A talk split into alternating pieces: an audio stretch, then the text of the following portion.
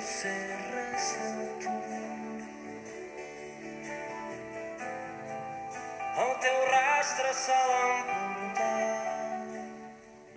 L'Institut del Teatre aixeca el taló i l'estora. Que.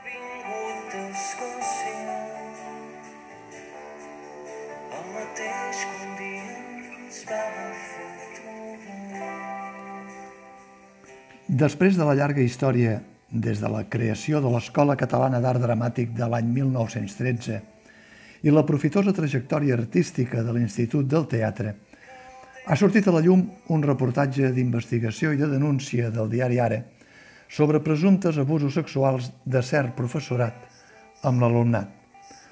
En ple cap de setmana del darulls i vandalisme de carrer al voltant de les manifestacions a favor de la llibertat d'expressió, la notícia ha remogut els fonaments de l'Institut del Teatre, una institució que depèn administrativament de la Diputació de Barcelona, actualment governada per un pacte forçat entre el Partit Nacionalista Espanyol del PSC-PSOE i el Partit Junts per Catalunya.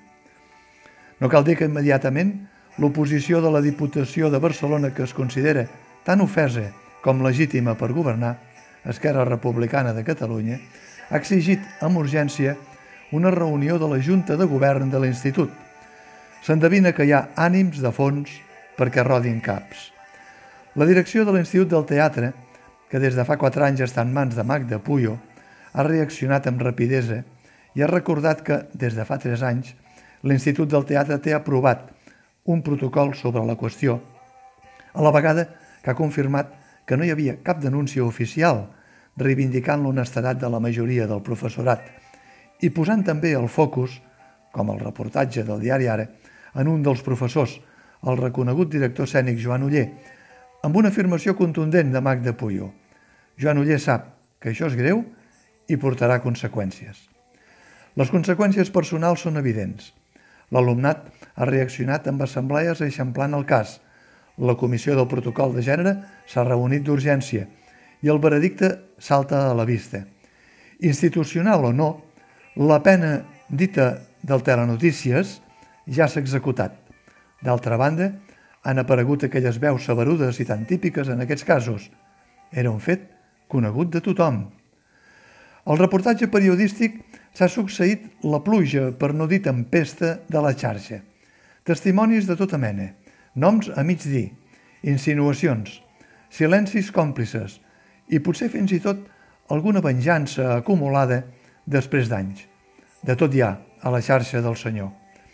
El diari ara ha continuat amb la segona part, alguns testimonis d'abusos que donen el seu nom, però no el de l'abusador. Un d'ells, actualment un escenògraf reconegut, parla de la seva relació gay de joventut amb un altre escenògraf i pintor i professor, més gran que ell. Dona pistes. Era del Nou i va morir el 2018. No costa gaire arribar a la memòria del reconegut escenògraf Iago Pericot. Però no es gosa aixecar l'estora, tot i que ja s'ha aixecat el taló. Aquesta és la diferència d'actuació davant l'escàndol que ha commocionat el món del teatre. Sense noms i denúncies clares, s'estén una ombra de dubte sobre tot el sector. En el cas de l'Institut del Teatre, no es pot caure en la mateixa trampa, aixecar només el taló sense aixecar també l'estora. I quan l'estora estigui aixecada, cal engegar l'aspiradora per xuclar-ne tota la polseguera acumulada durant anys que hi hagi a sota. Fa molt temps que